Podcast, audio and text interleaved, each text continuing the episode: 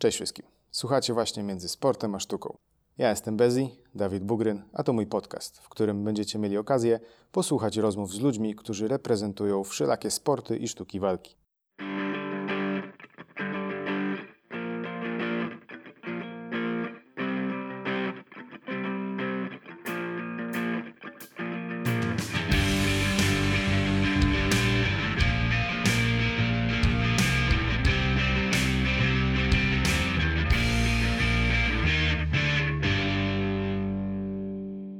Witam wszystkich słuchaczy w kolejnym odcinku Między Sportem a Sztuką. E, Dzisiaj nagrywamy odcinek na temat jednej z najbardziej rozpoznawalnych ze sztuk walk, a mianowicie porozmawiamy sobie na temat Aikido. Mój dzisiejszy gość jest związany ze sztukami walki od 37 lat, Mm, posiada szósty dan oraz jest głową krakowskiej szkoły Aikido Aikikai. E, Witam serdecznie Sichana Dariusza Ziębę. Dzień dobry. To może zaczniemy od takiego pytania rozgrzewkowego. E, Jaka jest w zasadzie różnica między Sichanem a Sensejem? Generalnie tutaj trudno powiedzieć, jeżeli weźmiemy pod uwagę takie uwarunkowania historyczne. E, Często te słowa sensei i shihan były używane zamiennie, natomiast e, współcześnie jak gdyby shihan jest już pewnym tytułem instruktorskim. Tak jak w Aikido mamy trzy stopnie dla instruktorów, to jest Fuku Shidoin, Shidoin i Shihan. Więc e, niektórzy porównują jak gdyby ten e, stopień Shihan do takiego tytułu profesorskiego, czyli dla tych osób, które mają największe kwalifikacje. Nie tylko jeżeli chodzi o tą biegłość techniczną, w sensie wykonywania technik, ale również e, jeżeli chodzi o przekazywanie wiedzy.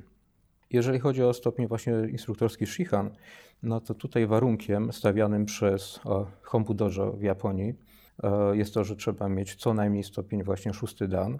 No i też jest specjalna komisja, która mm, jak gdyby weryfikuje dokonania danej osoby, jej działania na przestrzeni iluś lat wcześniejszych e, i na tej podstawie może właśnie przyznać ten e, stopień Shihan. No, trzeba mieć też osobę, która jest jak gdyby swego rodzaju takim promotorem, opiekunem, tak jak w moim przypadku jest to sensei Yoshimitsu Yamada, mm, e, który występuje właśnie z, taką, z takim zapytaniem prawda, do komisji, czy mogę otrzymać taki stopień. No i w Japonii jest on przyznawany. Ale jeżeli tak mówimy y, na gruncie naszym, naszej kultury europejskiej, y, no to porównuje się go właśnie z takim tytułem naukowym profesora. I jest to tytuł związany głównie właśnie jakby z umiejętnościami, z e, ścieżką nauczania, niekoniecznie z faktem, że ktoś jest jakby głową szkoły. To znaczy jest to jeden z wymogów, bo y, no, aby, aby prawda, docenić pewien wkład w nauczanie, no to dana osoba musi e, jak gdyby też e, mieć szkołę, musi mieć miejsce, w którym dzieli się tą swoją wiedzą i nie jest to proces trwający rok, dwa, tylko no, wiele lat. E, Ja rozpocząłem trening, prowadzenie zajęć Aikido w 1996 roku. Własną szkołę prawda, założyłem właśnie wtedy i jakby cały ten okres jest tutaj brany pod uwagę. No, nie tylko to, że prowadzę swoją szkołę, ale również e, prowadzę zajęcia na przykład na obozach gdzieś za granicą, gdzie spotykam się prawda, z innymi instruktorami, więc to też jest e, jak gdyby brane pod uwagę i człowiek cały czas jest pod lupą, cały czas jest obserwowany, jak to wszystko robi. Czy jest to też tytuł nadawany osobom, które mają duży wkład w propagowanie? Tak, tak, ale to propagowanie tutaj musi być związane nie z samym propagowaniem, bo ktoś jest działaczem, prawda? Y, Tylko trzeba samemu coś prezentować na macie. Trzeba wyjść, umieć pokazać i, i no, musi to być na odpowiednim poziomie. Okej, mm, to zacznijmy może od samego początku. Czym w ogóle jest Aikido? Tak, w skrócie. No, sztuka walki. tak to najprościej można powiedzieć. A Sama nazwa, no to droga duchowej harmonii, prawda? Ale to też niewiele nam mówi, dlatego że y, w kręgu kultury wschodniej często bardzo ładne pojęcia się pojawiają, no ale one niewiele jak gdyby przekazują nam, Europejczykom. E, Jest to sztuka walki, która wywodzi się z kręgów samurajskich. E, Tak więc oparta jest na tych technikach, które dawniej były preferowane przez właśnie tą grupę społeczną. No i jest stosunkowo i młodą sztuką, ale też zarazem bardzo mocno osadzoną w tradycjach. Dlatego że jest ona wynikiem transformacji sztuk walk, które nastąpiły na przełomie XIX i XX wieku. Mm, podobnie jak e, na przykład powstało judo, które wybrało drogę sportową, prawda? Mamy kendo, które też e, wybrało ten rozwój sportowy. Tak aikido nie poszło w kierunku sportu, ale w dalszym ciągu w stronę kultywowania właśnie tych tradycji samurajskich. Mówię tutaj też o stronie technicznej, gdzie zarówno są rzuty, dźwignie, mm, podcięcia, uderzenia tak zwane atemi. E, I jak gdyby przekazujemy to tyle tylko, nie, że, tylko, tyle tylko, że nie na tej płaszczyźnie właśnie mm, rywalizacji. No tutaj duży wpływ na, na właśnie kształtowanie się aikido miały różne sztuki walki, y, przede wszystkim jiu-jitsu, między innymi szkoły takie jak chociażby Kitoryu, Yagyoryu, czy też szkoła Daitoryu. Y, tak więc była to swego rodzaju taka kompilacja techniczna tak to można określić, o sensei, czyli Morihei Ueshiba, no, trenując właśnie te wszystkie sztuki, a będąc pod naj, chyba najsilniejszym wpływem właśnie Daitoriu, e, no, stworzył jak gdyby pewną własną wizję mm, tego, jak e, sztuka walki powinna wyglądać. E, to, co może odróżnia Aikido od powiedzmy tych bardzo tradycyjnych form, to to, że właśnie ten okres przełomu XIX-XX wieku to był czas, kiedy zdano sobie sprawę z tego, że e, no, samo trenowanie sztuki walki tylko dla nabycia umiejętności w walce, no bo przecież dawniej służyło to przede wszystkim e, wyeliminowaniu przeciwnika i to eliminacji na różne sposoby, włącznie mm, z pozbawieniem kogoś życia. Więc tutaj zdano sobie sprawę z tego, że prawda, w takiej formie te sztuki walki mogą przetrwać kolejnych dziesięcioleci, e, ale też, e, podobnie jak i Jigoro Kano w judo, e, tutaj pojawiła się idea tego, że one mogą doskonale służyć dla rozwoju właśnie człowieka. Czy to na płaszczyźnie fizycznej, intelektualnej, emocjonalnej, duchowej, więc mogą stać się pewnym narzędziem naszego rozwoju. Nie tylko prawda, umiejętnością stricte okaleczenia kogoś, czy też eliminacji drugiej osoby. Właśnie mam wrażenie, że wiele osób kojarzy te pewnym sensie już współczesne sztuki walki z tym, że one są od setek lat kultywowane i tak dalej, tak dalej. A często jak rozmawiam z osobami, które już to trenują, czy też po prostu zasięgam jakichś informacji, to okazuje się, że to są stosunkowo młode style, które mają często powstały w okolicy przed wojną, po wojnie. I w pewnym sensie to jest chyba ten początek takiego współczesnego budo tak naprawdę.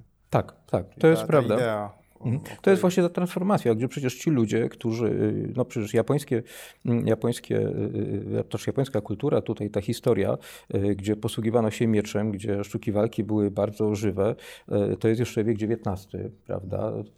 okres Meiji, kiedy następują przemiany i można powiedzieć, że chyba dzięki temu właśnie one przetrwały. W przeciwieństwie do na przykład Europy, gdzie szybki rozwój broni palnej, zmiana taktyki walki, prawda? To doprowadziło do tego, że dzisiaj na przykład próbujemy rekonstruować e, umiejętności posługiwania się szablą, prawda, i, i tym podobne mm, e, umiejętności, poszukujemy ich. Natomiast w Japonii jest to ten taki, mm, bym powiedział, okres, w którym bardzo łagodnie y, można było przenieść tradycyjne sztuki walki do nowoczesności. Może też dlatego właśnie jak gdyby ta fascynacja sztukami walki mm, w kręgu kultury zachodniej zaczęła się od, e, no, od Azji, od tych właśnie azjatyckich sztuk walki. No tak, bo tam to już było. Tak, i po prostu bardzo łatwo, bardzo gładko prawda, udało się no, im to przenieść. Ta, ta zmiana, która nastąpiła, którą doskonale widzieli właśnie ci ludzie, tak jak Morihei Ueshiba, tak jak Jigoro Kano, oni zdawali sobie sprawę z tego, że po prostu w takiej formie, w jakiej były te sztuki walki, one mogą długo nie przetrwać, ewentualnie będą dalej tkwiły w tych strukturach takich klanowych, no bo w ten sposób to wyglądało w Japonii. Mm, więc starali się dać nowe tknienie temu wszystkiemu, tak aby, tak mówię, wyeliminować może w pewien sposób elementy niebezpieczne, czy też nauczać ich dopiero dopiero już tam na odpowiednim poziomie zaawansowania. Natomiast, natomiast e, miała, miały to być doskonałe ćwiczenia, które miały tutaj też e, kształtować charakter młodych ludzi. Tak, myślę, że to też jest jakoś połączone z całą taką transformacją społeczną, która e, zaistniała w Japonii. Dokładnie. Bo Japonia jednak przed wojną, a Japonia po, po wojnie to jakby zupełnie dwa różne kraje. I mam wrażenie, że też ta zmiana w sztukach walki sprawiła, że udało się wprowadzić te różne style do szkół, wprowadzić je. No też dowodem jest na to, że te style, takie właśnie jak, nie wiem, e, aikido, judo, karate, kyudo, one są na całym świecie. Jakby w, praktycznie w każdym kraju gdzieś możemy znaleźć szkoły, a te tradycyjne, te koryu, właśnie, które jakby teoretycznie są tym korzeniem tych nowoczesnych sztuk walki, już jest trudniej, już są znacznie mniej popularne. Może to właśnie przez to, że istnieją w tej takiej formie klanowej, gdzie jednak nie zwraca się aż tak dużej uwagi na to, żeby rozpropagować je na całym świecie, a może też ludzie jakby też nie do końca kupili akurat tamte, że tak powiem, przekonania, a bardzo do nich trafiły te jednak bardziej współczesne. Tak, to jest jeden z powodów, właśnie ta, ta klanowość, szczególnie II wojna światowa tutaj e, radykalnie zmieniła oblicze właśnie sztuk walk, a raczej może podejścia do nich, dlatego że po II wojnie światowej Japonia znalazła się pod e, okupacją amerykańską. Uprawianie wszelkich sztuk walk było zakazane. E, stąd też Japończycy, chcąc jakby całe to swoje dziedzictwo kulturowe w dalszym ciągu mm, przekazywać następnym pokoleniom, no musieli coś z tym zrobić. E, proszę zwrócić uwagę na to, że na przykład często mm, w niektóre tradycyjne systemy walki, na przykład posługiwaniu się bronią, włócznią, mieczem, na pokazach wyglądały dosyć tak ciekawie, gdzie panowie stali w odległości na przykład 4 metrów od siebie, chwila ci ciszy. Jeden wykonał dwa kroki, wykonał okrzyk, jakieś cięcie w powietrze, znowu chwila ciszy. No i w tym momencie można to było zareklamować, prawda, Amerykanom w ten sposób, że no nie ma to nic wspólnego z jakimś biciem się, prawda, walką. Więc mm, tutaj Japończycy bardzo sprytnie postąpili. Oni po prostu ukryli pewne rzeczy. E, z wielu systemów walki wyeliminowali te mm, techniki bardzo niebezpieczne, wskazujące na to, że może to być groźna broń i jak gdyby przekazywane one były dopiero na tym zaawansowanym poziomie osobom, no w ten sposób już zaufanym, które długo są związane z daną szkołą, a na tym poziomie takim dla publiki, tak to określę, e, no to wszystko miało wyglądać ładnie, jako taka swego rodzaju wręcz gimnastyka, prawda, na macie. Więc e, no bardzo, bardzo mądrze to zrobiono. E, tak jak się rozmawia z niektórymi osobami, mówię tutaj o osobach o wiele starszych ode mnie, mm, to albo jeżeli są na przykład Japończycy, nie chcą oni wiele mówić na temat tego okresu zaraz, który był po wojnie, taki troszeczkę jest to temat tabu e, z ich strony, a z kolei jeżeli jest to ktoś związany z kulturą właśnie zachodnią, no to też mówi, że jeżeli był na przykład w Japonii na początku lat 60. E, czy koniec 50., no to tutaj e, niewiele osób chciało w ogóle rozmawiać o jakichś sztukach walki. Owszem, judo, tak, tam karate, to wszystko, o czym już świat wiedział, ale jakieś te właśnie tradycyjne szkoły walki, nikt nic nie wiedział. Sam zresztą nawet twórca Aikido pokazywany jest z okresu II wojny światowej jako człowiek, który się modli i podlewa ogródek. No tak. E, po II wojnie światowej nagle wszyscy zapomnieli o tym wielkim nacjonalizmie, jaki był przecież e, lata 20, a szczególnie 30 mm, na terenie Japonii, ekspansja przecież samej Japonii na tereny chociażby Mandżurii, tereny chińskie. E, o tym jakby się zapomina, a wystarczy popatrzeć na film z 1936 roku pod tytułem Budo, gdzie właśnie nie kto inny jak Morihei Ueshiba mm, prowadzi w swoim dojo prawda, zajęcia. No i wielka flaga japońska jest wywieszona, no więc zupełnie inna atmosfera treningów przed II wojną światową była, a zupełnie inna po II wojnie światowej. E, nieco inny prawda, kierunek tutaj został e, tknięty właśnie w te, w te sztuki walki powojenne.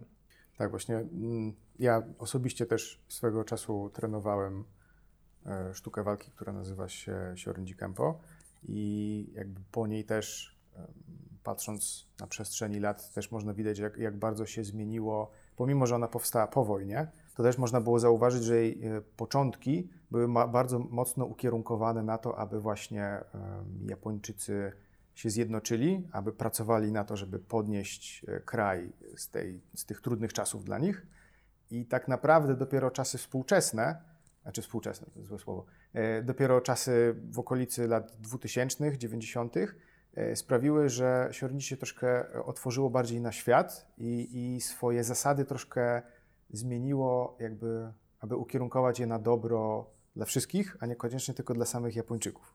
Jakby to pierwsze nie było złe, tylko jakby tak długo jak Siorinji funkcjonowało głównie na terenie samej Japonii, to było zrozumiałe, że jakby starało się motywować samych Japończyków do, do pracy nad, nad, własnym, e, nad własnym krajem. Tak, to prawda. Zresztą proszę zauważyć, że e, jeżeli chodzi o te japońskie sztuki walki czy sporty walki, e, też bardzo długo sami Japończycy jak gdyby kontrolowali tutaj ich rozwój, uzyskiwanie na przykład jakichś wyższych stopni, mówię to stopnie tak jak piąty, szósty dan czy, czy więcej, było zarezerwowane tylko dla Japończyków.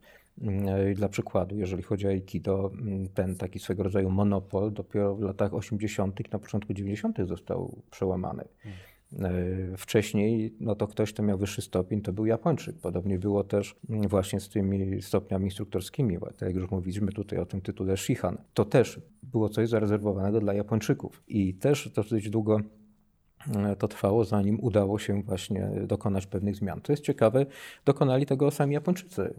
E, no właśnie, e, chociażby mój nauczyciel Sensei Yoshimitsu Yamada, e, czy grono właśnie Shihanów z nim związanych, to byli ludzie, którzy na przykład w latach 50. byli tak zwanymi uchideshi, czyli oni, jak to się mówi, zaciągnęli się do szkoły, prawie to tak brzmi jak do wojska, ale to tak wyglądało ich życie mieszkali w tej szkole, no i 24 godziny na dobę byli, jak to też można powiedzieć, na służbie. Więc wszystkie treningi, wszystko co należy w dojo prawda robić, mm, prawie że, tak jak mówię, byliby w koszarach, czy też w klasztorze, ktoś mógłby powiedzieć. Mm, ale ileś lat y, poświęconych na tego typu trening właśnie dawał później bardzo dobre efekty. I to byli ci ludzie, którzy też mm, mając y, no, duże wpływy w samej Japonii, w samym Hombu Dojo, oni dokonywali właśnie takich przemian. To oni właśnie stwierdzili, że nie może być tak, że na przykład Europejczyk, Amerykanin, y, czy tam prawda, ktoś pochodzący z Afryki nie może uzyskać za swoje umiejętności wyższego stopnia.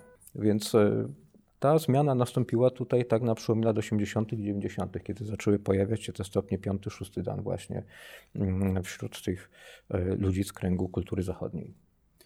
A czy tutaj jakby małą cegiełką do tej zmiany mm, nie był też fakt, że ludzie zaczynali powoli tworzyć własne style? Troszkę jakby tak na przekór, na zasadzie, że jeśli... Najprawdopodobniej też. Najprawdopodobniej też. No, mówimy tutaj różne style. E, ja unikam tego typu określenia. Mm, ono jest takie charakterystyczne znowu dla nas, Europejczyków, prawda? E, chcę pokazać, że coś robię troszeczkę inaczej, tu już mam własny styl.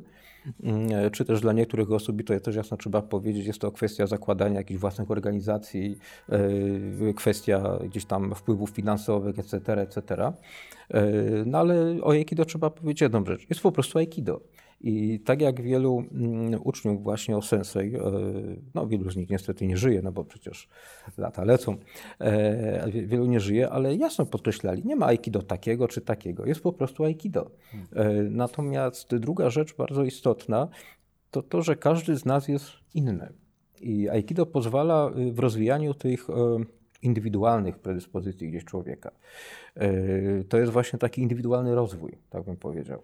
E, jeżeli popatrzy się, tak jak niektórzy twierdzą, że to, co jest związane obecnie z rodziną Ueshiba, czyli Hombu Dojo, że jest to styl Aikikai, no coś takiego jak styl Aikikai nie istnieje. To jest fundacja Aikikai, która powstała, a w obrębie właśnie tych ludzi, których określa się jako Aikikai, e, jest taka różnorodność, czasami patrząc na dwie, trzy osoby, które wykonują techniki, ktoś mógłby powiedzieć, że to są, jak to już powiedzieliśmy, całkowicie odmienne style. Ale to jest e, właśnie ten indywidualizm. Każdy poprzez sumę swoich doświadczeń, jakie zbiera, pewnym momencie prezentuje y, takie, a nie inne wykonanie, na przykład techniczne. Ktoś bardziej preferuje techniki rzutów, dźwigni, ktoś w taki, a nie inny sposób wykonuje dane dźwignie. No, ja mówię, każdą technikę można na różne sposoby wykonać y, i wszystko jest w porządku, dopóki ona działa.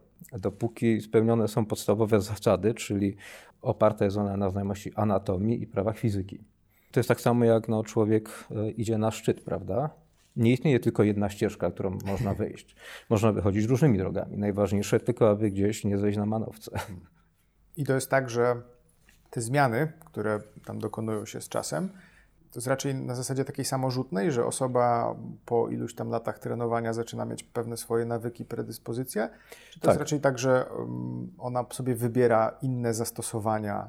Znaczy, ja uważam, że mm, na podstawie tych doświadczeń, które ja zebrałem na przestrzeni tam lat i obserwacji wielu ludzi, z którymi miałem kontakty, a muszę powiedzieć, że no, w moim przypadku no, chyba jestem szczęściarzem, dlatego że udało mi się wyjechać do Stanów. Ćwiczyłem u no, jednych z najlepszych ludzi, jeżeli chodzi o Aikido.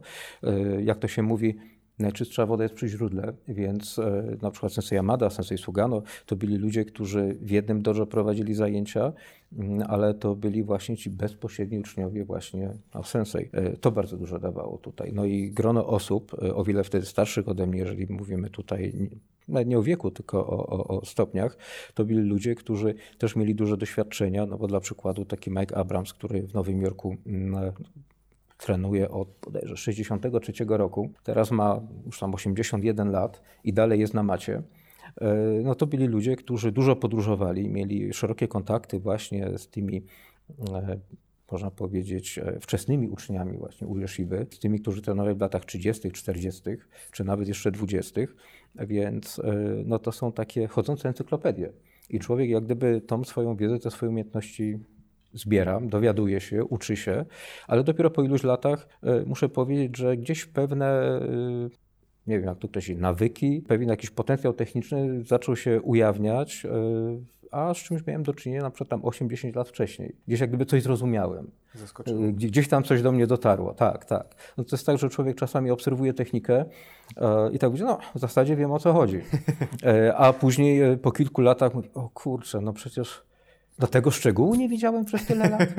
I ja wiem, że to śmiesznie brzmi, ale no, na tym to właśnie tak polega. To tak to znaczy, czasami robicie jedną i tą samą rzecz przez wiele lat, yy, a w pewnym momencie gdzieś tak coś zaiskrzy i człowiek nagle coś zrozumie. I zrobi to dlatego, że popatrzy na inną osobę, która pokazuje właśnie tą technikę i ten jeden ważny element, który czasami nawet zmienia wszystko w tej technice, wtedy się go zobaczy. No tak. To jest chyba ten największy problem z przekazywaniem wiedzy, że Możemy komuś wytłumaczyć, możemy komuś pokazać, ale to nie oznacza, że przekazaliśmy mu tą wiedzę, bo on może co najwyżej zrozumieć to, o co chodzi, ale zanim do niego to dotrze... Nie da się, tak bym powiedział, przekazać. Zresztą od samego początku uczono mnie, jeżeli chodzi o Aikido, uczono mnie tego, że mm, Aikido się studiuje. I to ja muszę chcieć zdobyć pewną wiedzę. To nie jest tak, że ja przyjdę do dojo, e, zapłaciłem składkę, prawda? E, nie, to, to, to jest tak, jakbym, prawda, skasował bilet. Mhm wszedłem, ale teraz to, co się będzie dalej działo, to już zależy ode mnie. I to teraz e, ja muszę włożyć ten ogromny wysiłek w to, aby się pewnych rzeczy uczyć. No dzisiaj jesteśmy na takim etapie tej cywilizacji fast foodu, prawda? Dodatkowo y, wszyscy siedzą w internecie. Y, już nawet dochodzi do sytuacji, jak czasami się zapyta niektórych lekarzy, że pacjent przychodzi i już mówi lekarzowi, jak go ma leczyć. Bo już, prawda, zmądrzał, już przeczytał w internecie, już jest specjalistą. Tak. Y, no i to jest właśnie ten duży kłopot, bo kiedy wchodzisz do dojo, to tak naprawdę powinieneś wszystko zostawić poza nim, czyli dążyć do tego, abyś nie zastanawiał się nad tym, co umiesz, czego nie umiesz, po prostu masz się nastawić na to, co będzie w danym miejscu i starać się wchłaniać to, jak najlepiej powtarzać. Na tym to się opiera. Niektórzy tego nie lubią, bo woleliby pewne metody treningowe, takie jakie funkcjonują w sporcie, gdzie trzeba mm, jak najszybciej osiągnąć pewien wynik. No tak, więc odpowiednio się motywuje, szuka się odpowiednich metod przekazania wiedzy w taki sposób, aby ta druga osoba no, osiągnęła odpowiedni poziom dosyć szybko. Tutaj nie, tutaj się rozwijasz sam i tutaj y, bardzo dużo wysiłku musisz w to wszystko włożyć. Tak jak mówię, to jest tak jak studiowanie. To nie jest tak jak szkoła podstawowa, gdzie tam takiemu przysłowiowemu Jasiowi trzeba wkuć do głowy, Jasiu, 2 plus 2 równa się 4, popatrz, masz tu tyle i tyle patyczków, to dajesz, to ile teraz Jasiu masz. Nie, to się nie odbywa w ten sposób. Ty idziesz, ty poszukujesz, e, ty podążasz za swoim nauczycielem, e, ty kolekcjonujesz doświadczenia. No i po iluś latach, no tak jak powiedziałem, e, to co prezentujesz jest jak gdyby tą sumą tych wszystkich doświadczeń, które miałeś. Nigdy nie podchodziłem na zasadzie takiej do treningu, że muszę coś zrobić inaczej, żeby innym pokazać, że to inaczej wygląda.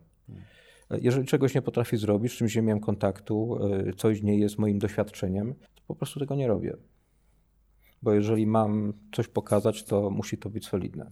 To tak jakby kupiec powiedział, handluję tylko dobrym towarem. Wspomnieliśmy wcześniej, że ta najczystsza woda jest przy źródle. A jak to się ma do upływu czasu? Czy, czy Aikido samo w sobie zmieniło się przez tyle lat, pomimo że jakby już nie ma senseja, który mógłby pokazać, że to jest ten właściwy sposób? Czy przez to Aikido się zmieniło? Przez brak tego jednego, że tak powiem, kierunku? Aikido cały czas się zmieniało, od samego początku. Jeżeli się popatrzy na e, uczniów Osensei, E, to nawet jest taki mm, troszeczkę sztuczny podział, ale na tak zwane generacje uczniów. Mm, ci, którzy trenowali w latach 20., 30., później tam 40., 50., 60. Na każdym etapie troszeczkę inaczej ci ludzie ćwiczyli. Każde pokolenie jest nieco inne, ale to chyba też jest odzwierciedleniem tego, że sam Morihei Ueshiba mm, po prostu się rozwijał. To nie jest tak, że e, zatrzymał się w miejscu, prawda? otworzył szkołę i już do końca życia cały czas pokazywał jedno i to samo i w taki sam sposób e, on też cały czas e, ćwicząc, mając kontakt z tymi ludźmi, cały czas e, to wszystko, co robił, podlegało pewnym zmianom, pewnej transformacji. Więc również obecnie Aikido też ulega właśnie takim, takim zmianom. No z racji tego, że Aikido jest bardzo indywidualne, nie jest to sport, gdzie możemy powiedzieć, że potencjał techniczny jest tam od A do Z i wszystko jest ściśle określone, no bo wszyscy zawodnicy, prawda, muszą prezentować określony sposób wykonania techniki, później na zawodach też są konkretne przepisy. Tutaj nie ma żadnych ograniczeń, tutaj masz całkowitą swobodę. Więc to Aikido też e, właśnie ulega no, ciągłym, ciągłym zmianom. Nie zawsze takim, które na przykład mnie się podobają, y, no ale tak jak mówię, to jest sprawa, sprawa bardzo indywidualna tutaj. Czy jest to raczej na zasadzie takiego żywego organizmu, że wszyscy tak. wszyscy mogą iść jakby w tą stronę, w którą by chcieli i to wpływa... Tak, no pod warunkiem, że wszystko jest dalej w ramach, jakbym powiedział, yy, tak to mówię, technika musi opierać się na tym praktycznym zastosowaniu, czy ona nie może stracić tego praktycznego znaczenia, yy, musi działać, bo jak w pewnym momencie, czasami się to widzi, niektóre osoby prawie że balet uprawiają, no to naprawdę jest to, jest to już tragiczne bo po prostu nie rozumieją techniki, nie rozumieją na czym ona została zbudowana, dlaczego tak, a nie inaczej powinna działać. Zresztą w ogóle nie wiedzą, czy rzeczywiście ona działa. Więc y, często trening ten na granicy, bym powiedział, y, zdrowia na macie, mówię tutaj o osobach zaawansowanych, jest bardzo ważny, dlatego że on jest też swego rodzaju sprawdzianem tego, czy rzeczywiście ten potencjał techniczny, którym dysponujemy, jest, a czy dalej zachował właśnie to, tą funkcjonalność, to praktyczne znaczenie. Jeżeli tego się pozbawimy, no to tak naprawdę nie ma znaczenia, czy będziesz sobie machał rękami tam na jakichś zajęciach fitness, machał rękami mówiąc, że to jest aikido. Jeżeli chcemy, żeby to miało jakiś sens, no to musi być osadzone na tym fundamencie właśnie sztuki walki. Zresztą samo Sensei mówił, że aikido jest budo. Ja więc cały czas to wojenne czy wojskowe, prawda, znaczenie musi być zachowane. Czyli nie można odciąć się od korzeni. Czyli pomimo mm, braku takiej bezpośredniej rywalizacji, E, Aikido ciągle ma jakby takie sposoby, aby tak. sprawdzać. E, tak, to... to szczególnie jest na tym etapie bardziej zaawansowanym już widoczne, kiedy dysponujesz pewnymi umiejętnościami technicznymi. Chodzi też o umiejętność jak gdyby chronienia siebie, dlatego że mm, tutaj nie stosuje się ochraniaczy na ręce, prawda, na głowę, na tłów. E, każdą technikę jak gdyby przyjmujesz na siebie więc z jednej strony wymaga to odpowiedniej umiejętności, jak to mówimy, bycia uke, czyli umiejętności odebrania techniki, jeżeli ktoś na mnie wykonuje tą technikę, abym w e, odpowiedni sposób umiał ułożyć ciało, tak abym zabezpieczał się przed kontuzją, ale również ta osoba, która wykonuje technikę, ona też musi mieć tutaj e, no już dużo umiejętności, aby ta technika była w dalszym ciągu bezpieczna, a nie kończyło się to no, kontuzjami, prawda? Bo czasami takie kontuzje można leczyć miesiącami, a niektóre, no wiadomo do końca życia mogą zostać. No tak, to jest ten problem, że ciężko jest e, trenować łamanie czyichś rąk. Tak, no to jest tak jak e, często z posługiwaniem się prawdziwą bronią, prawda? Jaki jest trening z prawdziwą bronią. Wystarczy, e, ludzie dla przykładu w Aikido lubią sięgnąć po tanto, czyli ten, e, prawda, sztylet, e, jak to można określić. Jak jest drewniany, wszystko jest fajnie, ładnie to wygląda.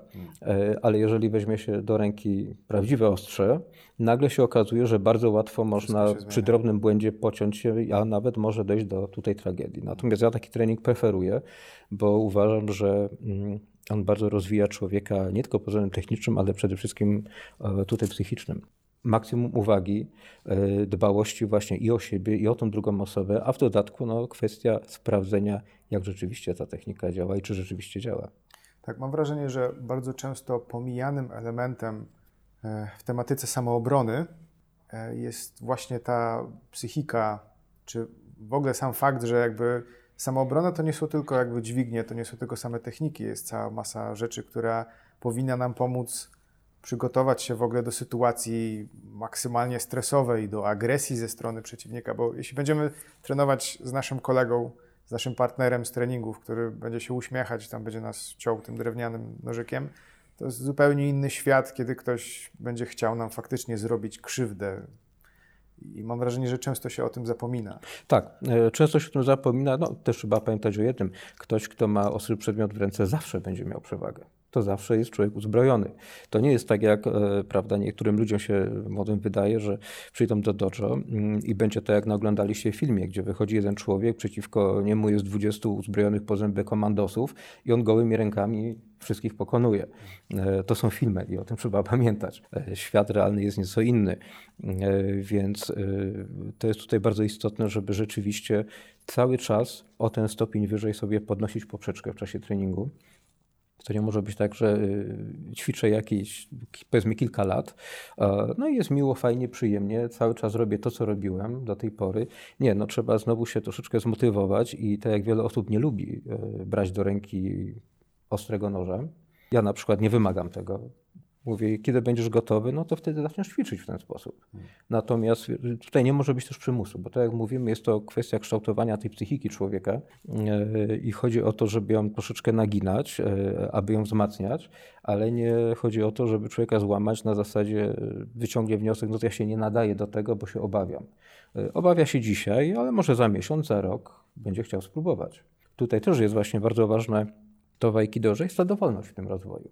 Y, nie jest powiedziane, że w przeciągu roku masz takie, a nie inne efekty osiągnąć. Każdy człowiek jest inny. Ja widziałem ludzi, którzy przychodzili do dojo i to był taki gwałtowny wybuch, wielki, potężny płomień. Y, byli 2-3 lata i było po wszystkim. Już ich nie było. Byli ludzie, którzy przychodzili, gdzie wydawało się, że nie są w ogóle świadomi tego, że mają dwie ręce, dwie nogi, przewracają się na nich. Y, za głowę się łapałem, jak tu pokazać technikę. Później okazywało się, że naprawdę ciężka praca, regularny trening i naprawdę bardzo wysoki poziom osiągali i jestem tutaj pełen podziwu właśnie dla wielu ludzi, którzy potrafili aż tak się zmienić poprzez, poprzez właśnie Aikido. Tak więc e, nikogo do niczego nie można zmuszać. Każdy w dojo musi sam chcieć się zmusić do czegoś. A czy można powiedzieć, że Aikido to jest e, trudna dyscyplina, trudna sztuka walki? Myślę, że tak. E, znaczy trudna jest dlatego, że często patrzymy na sztukę walki przez pryzmat e, kilku uderzeń, paru kopniaków. Tak, przepraszam, że tak to określę, ale no niestety czasami takie wyobrażenie jest niektórych osób. Natomiast, e, czy też no nawet łamania rąk, o, prawda, tak to się, jak to niektórzy czasami określają. Ale Aikido jest bardzo złożone pod względem ruchowym, tyle tylko, że jeżeli człowiek rozluźni się mentalnie, rozluźni się też wtedy fizycznie, i zacznie dostrzegać, że to wszystko jest bardzo spójne, no i raczej sprawia przyjemność. To, że te techniki tak, a nie inaczej wyglądają.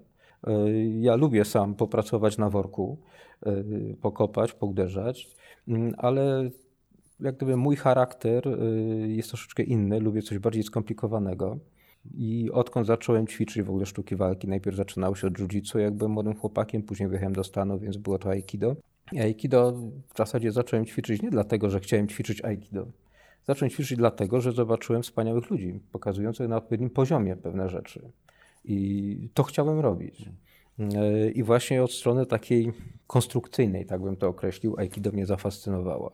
Ale czy jest trudne? No, było, dla mnie też było na początku trudne. Wyzbycie się pewnych nawyków, na początku wydawało mi się, że to, co uczyłem się na jiu troszeczkę mi przeszkadza, no bo wiadomo, przyzwyczajenie z drugą naturą. Ale y, kiedy bardziej zacząłem się rozwijać, y, trenując aikido, nagle te stare nawyki też zaczęły wychodzić. I tutaj y, otworzyło mnie to, jak gdyby tak na świat. Uważam, że trzeba próbować wszystkiego.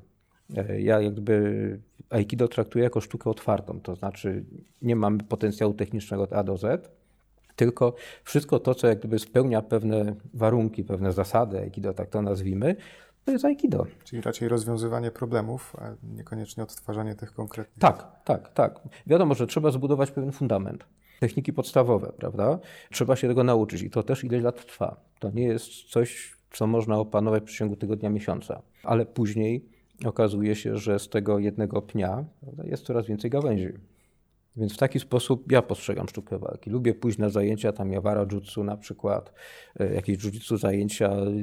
Jeżdżę cały czas też na obozy, kiedy tylko są organizowane i przyjeżdżają ludzie, którzy prezentują, jak to niektórzy określają, różne style, prawda, aikido i lubię wszystkiego próbować. To nie oznacza, że ja będę to robił. Chcę tego skosztować. To tak jak zaprosisz mnie na herbatę, no to nie przyjdę z własnym termosem, prawda, i powiem, wiesz, ale ja robię swoją i lubię swoją. E, tylko y, chcę, żeby ten kubeczek był czyściutki, chcę zapomnieć o smaku tego, co pijałem do tej pory i chciałbym skosztować tego, czym naprawdę chcesz mnie poczęstować. Więc takie podejście uważam tutaj powinno być. A wracając do tego głównego tematu, czy jest trudne? Lubię je. Wszystko jest trudne, nim stanie się proste, jak to ktoś kiedyś powiedział. No tak, tak, tak. Wszystko na początku wydaje się trudne. Wydaje mi się też, że tutaj często dużą trudność sprawia właśnie to rozluźnienie. To podejście takie, że żeby się nie spinać zarówno fizycznie, jak i psychicznie, bo jednak za każdym. Wydaje mi się, że to jest takie dość dla nas naturalne, że kiedy trafiamy na jakiś problem, na przykład, nie wiem, nie możemy przewrócić kogoś, nie możemy mu założyć tej dźwigni, nie możemy rozwiązać jakiegoś problemu, to staramy się spiąć coraz silniej, coraz mocniej I wydaje mi się, że to chyba jest wtedy totalna blokada dla Aikido, no bo jednak to jest przeciwieństwo do tego, co, co Aikido Tak. E, zresztą, jeżeli zwróci się uwagę e, często na trening Aikido, niektórzy mówią, no dobrze, ale macie tam rozgrzewkę, ona jest krótka, natomiast nie robicie pompek, przysiadów, innych tym podobnych rzeczy, nie ma tych ćwiczeń siłowych. Załóżmy, zapiszesz się na boks, będziesz miał powiedzmy 45 minut rozgrzewkę, gdzie będziesz biegał, skakał, pompki robił. Będzie ona taka mocno fizyczna dla tego układu mięśniowego w Aikido jest zupełnie inaczej. E, tutaj, jeżeli zaczynamy zajęcie i to ma być ten trening techniczny, chodzi o to, żebyś właśnie się rozluźnił, czyli ćwiczenia, które pozwalają w pewnej nabyciu elastyczności, a nie spinaniu mięśni. E, to jest bardzo istotne. Co oczywiście nie oznacza, że trening fizyczny jest całkowicie pomijany. To po prostu należy robić poza tymi zajęciami, które masz w dojo stricte techniczne. Przed treningiem technicznym, gdzie rzeczywiście będziesz miał na przykład zakładaną dźwignię, będzie mięsień się rozciągał, no to trudno wcześniej być na siłowni i go skracać, prawda? Bo w ten sposób szybciej dojdzie do kontuzji. Również sposób poruszania się na przykład też będzie taki bardziej, jak to się mówi, sztywny, kiedy będziesz po jakiejś większej ilości ćwiczeń siłowych. Więc e, przed samym treningiem tym stricte technicznym Aikido, no właśnie są ćwiczenia, które mają pozwolić na to, aby bardziej rozluźnić ciało pod względem fizycznym, ale również, abyśmy mogli troszeczkę psychicznie się tutaj rozluźnić. Nie można traktować wszystkiego na zasadzie takiej zadaniowej, ja muszę to zrobić. Bardziej poznaję pewien mechanizm. I to jak gdyby od razu zmieni nastawienie do samego wykonania techniki. Nie będzie tego szarpania się, prawda, takiego siłowego. Zresztą samo Aikido od strony technicznej jest sztuką, w której cały czas należy y, omijać tą, ten konflikt fizyczny taki. Czyli nie jest to siła skierowana przeciwko sile, ale jeżeli pewna siła jest wymierzona w moją stronę, no to staram się przejąć tą energię i ją odpowiednio ukierunkować.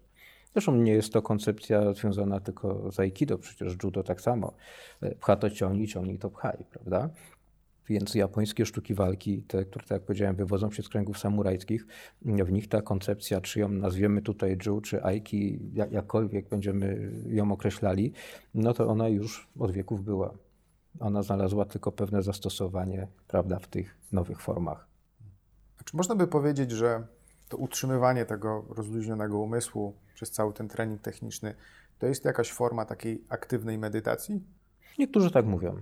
Są osoby, które idą do szkół medytacji, prawda, i tutaj wykonując techniki też e, dążymy do tego, aby osiągnąć pewien stan rozluźnienia, prawda? Więc y, ja tak czasami nawet żartuję na zajęciach, no dzisiaj będziemy medytowali. No, no, ale właśnie chodzi o to, aby poprzez ten trening fizyczny wyzbyć się różnego rodzaju napięć, stresów, rozluźnić się, prawda?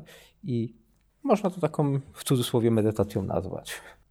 Często też w, w Kudo, które trenuję, spotyka się właśnie z takim określeniem, że e, dużo osób to mówi, że no to taka medytacja z łukiem, medytacja z łukiem, mm, ale mam wrażenie, że też wiele osób nie widzi medytacji jako takiej formy najprostszego ćwiczenia dla samego umysłu, że oni od razu to próbują uduchowić, że to medytacja to od razu znaczy, że ty musisz być kapłanem zen co najmniej jakby nie widzą tego, że to jest jakby takie pompki dla umysłu, że po prostu starasz się tak. utrzymać tą uwagę, czy utrzymać ten stan rozluźnienia, co wcale nie jest takie proste, kiedy jednocześnie starasz się wykonać jakąś technikę. No to jest właśnie ten kłopot z tym rozumieniem y, pewnych elementów nadchodzących z tej kultury wschodniej do nas.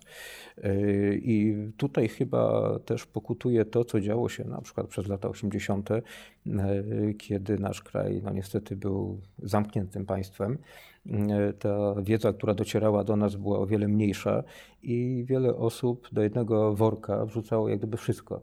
E, zajmowałeś się na przykład karate, czy, czy aikido, czy jiu-jitsu, ale czytali ludzie różne informacje o medytacji y, z różnych kierunków, z różnych szkół i to wszystko wrzucali do tego jednego worka. I no niestety wychodziła wtedy taka no, troszeczkę niestrawna potrawa. Jeżeli chodzi o sztuki walki, dla mnie ta, to, co określić może jakoś tak mianem, mianem medytacji, to jest po prostu chwila rozluźnienia, chwila takiej troszeczkę refleksji.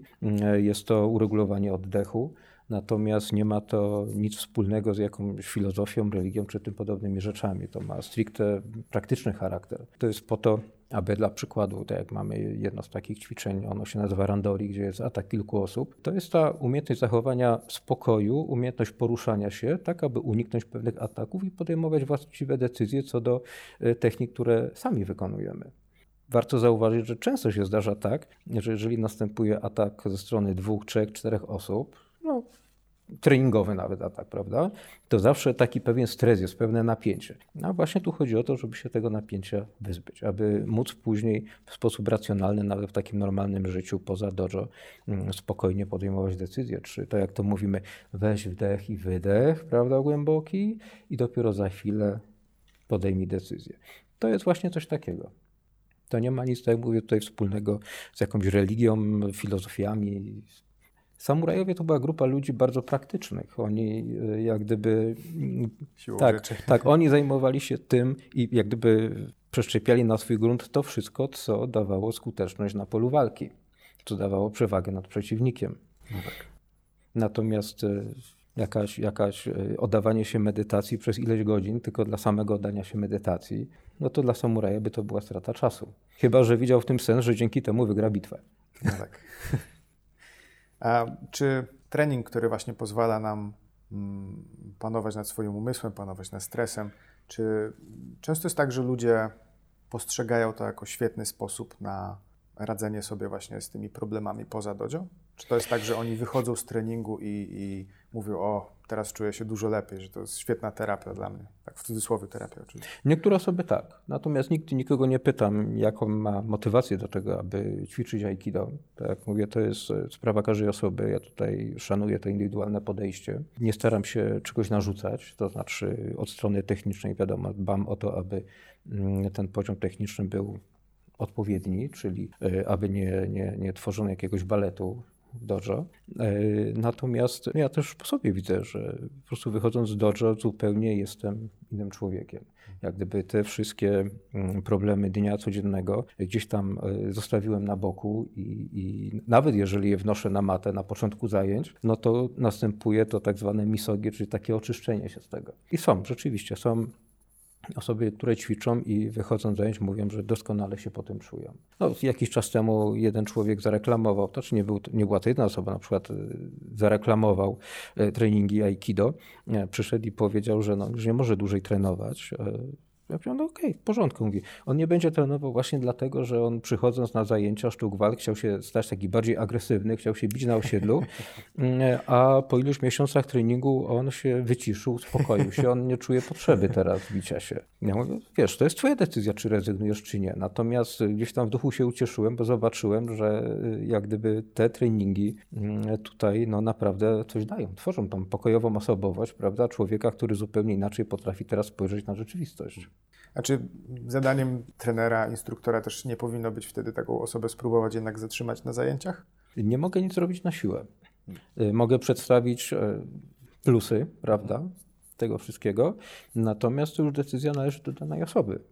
Spotkałem ludzi, którzy też rezygnowali po kilku latach treningów, później spotykałem ich po kolejnych kilku latach, no i twierdzili, że wycofanie się z zajęć no to był jednak duży błąd, że bardzo żałowali tego, że jednak tak się stało że wtedy, kiedy ćwiczyli, to ich życie troszeczkę inaczej wyglądało. Wydaje mi się, że to wcześniej czy później każdego spotyka, że mm, pojawia się ten moment takiego trudnego, takiego drugiego powołania, że tak powiem. Bo w momencie, kiedy zaczynamy coś trenować, no to zawsze mamy jakiś motywator. Nie? Coś nam się spodobało, chcemy być, nie wiem, nauczyć się samoobrony, chcemy dobrze walczyć, albo spodobało nam się po prostu, jak to wygląda i chcielibyśmy posiąść te umiejętności, ale wcześniej czy później, to minie, nie wiem, rok, dwa lata, trzy, czy osiągną na przykład ten symboliczny czarny pas i przychodzi takie pytanie, no dobra, no ale po co w sumie ja to trenuję, co mi z tego przyjdzie? I mam wrażenie, że, że to takie drugie powołanie jest zawsze dużo trudniejsze, żeby sobie wtedy jakby przekonać samego siebie, że jednak powinienem to da, dalej trenować. Myślę, że często ludzie właśnie tak, zwłaszcza jak dochodzą do czarnego pasa, mam wrażenie, że to jest taki moment osiągnięcia tego takiego symbolu, czarny pas, poziom mistrzowski, super. I potem jest właśnie taka refleksja, no dobra, no ale co dalej? Albo w sumie już nie muszę teraz się tak męczyć, no bo udało mi się osiągnąć ten stopień.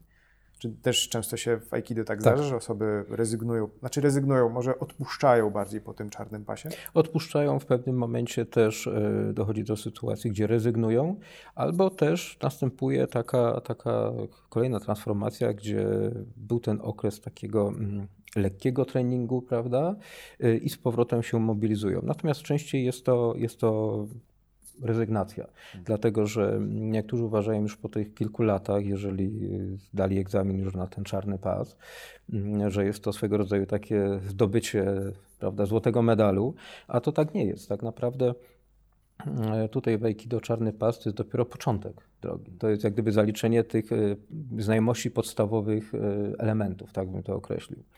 Stąd też później te kolejne stopnie są, prawda? Ten drugi, trzeci, czwarty i tak dalej dan. Przy drugim, przy trzecim dan jest to takie uzupełnienie tych, nazwałbym to, podstawowych umiejętności, które są z zakresu pierwszego dan. Chodzi o umiejętność na przykład przechodzenia z jednej techniki w drugą, prawda, i odpowiedniego kontrolowania tej drugiej osoby, czy też kontrtechniki, które są y, na przykład przy stopniu trzeci dan. No a poza tym trzeba też pokazać, że te wszystkie podstawowe elementy robi się już na znacznie wyższym poziomie, jest to lepsze zrozumienie techniczne. Y, no i niestety często jest właśnie taka sytuacja, gdzie ktoś zdał egzamin na pierwszy dan, czasami też na drugi dan, no i takie chyba pytanie się pojawia, no dobrze, ale co się w moim życiu zmieniło, prawda? No niewiele się zmieniło. E, trzeba ćwiczyć dalej i dalej się rozwijać. To jest chyba ten, ten moment taki, w którym, w którym no, zaczyna się rezygnować. Ale to jest, to jest. I muszę powiedzieć, że e, też często mm, w przeszłości, czy tam zdawałem na pierwszy Q, pierwszy dan, drugi dan egzaminy, też takie refleksje miałem. Tyle tylko, że chyba moje zainteresowania sztukami walk pozwalały mi przetrwać te, te trudniejsze chwile. Bo to też nie wygląda w ten sposób, jak niektórym ludziom się wydaje, że są ludzie stworzeni do uprawiania czegoś i są tacy, którzy się kompletnie nie nadają. Coś takiego nie istnieje. Muszę powiedzieć, że ja często mam takiego niesamowitego lenia, gdzie mm, też e, założę, że potrenuję w taki, a nie inny sposób, a, a nic mi jakoś nie wychodzi, jakoś tak nie potrafię się do tego zmobilizować.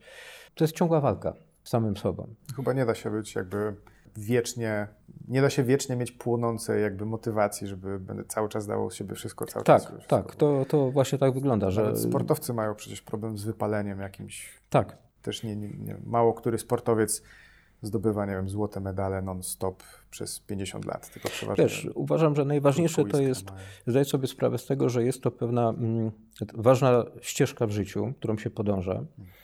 E, nie należy tego traktować e, zadaniowo, e, tylko raczej cieszyć się tym, co się robi.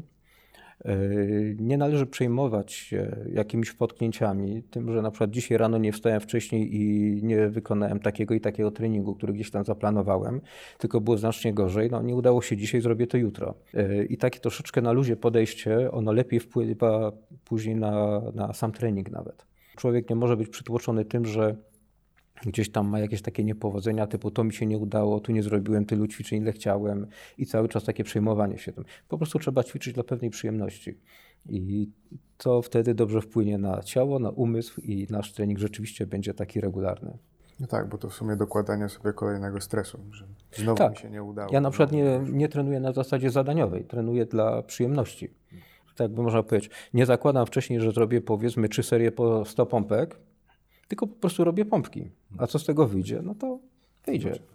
Więc y, teraz takie jest moje podejście, kiedy mam, prawda, te 51 lat. Bo jak byłem młodszy, no to wiadomo, najważniejsze było to, żeby wykonać konkretne zadanie. Rozmawialiśmy wcześniej, że poprzez trening Aikido ludzie się zmieniają. Tak był przykład tej osoby, która jednak nie znalazła tego, co potrzebowała w Aikido. Czy ta zmiana w ludziach zachodzi poprzez na przykład kontakt z instruktorem, z nauczycielem, czy raczej poprzez sam trening, trening sam w sobie? Wydaje mi się, że jedno i drugie. Osobowość e, instruktora też jest ważna.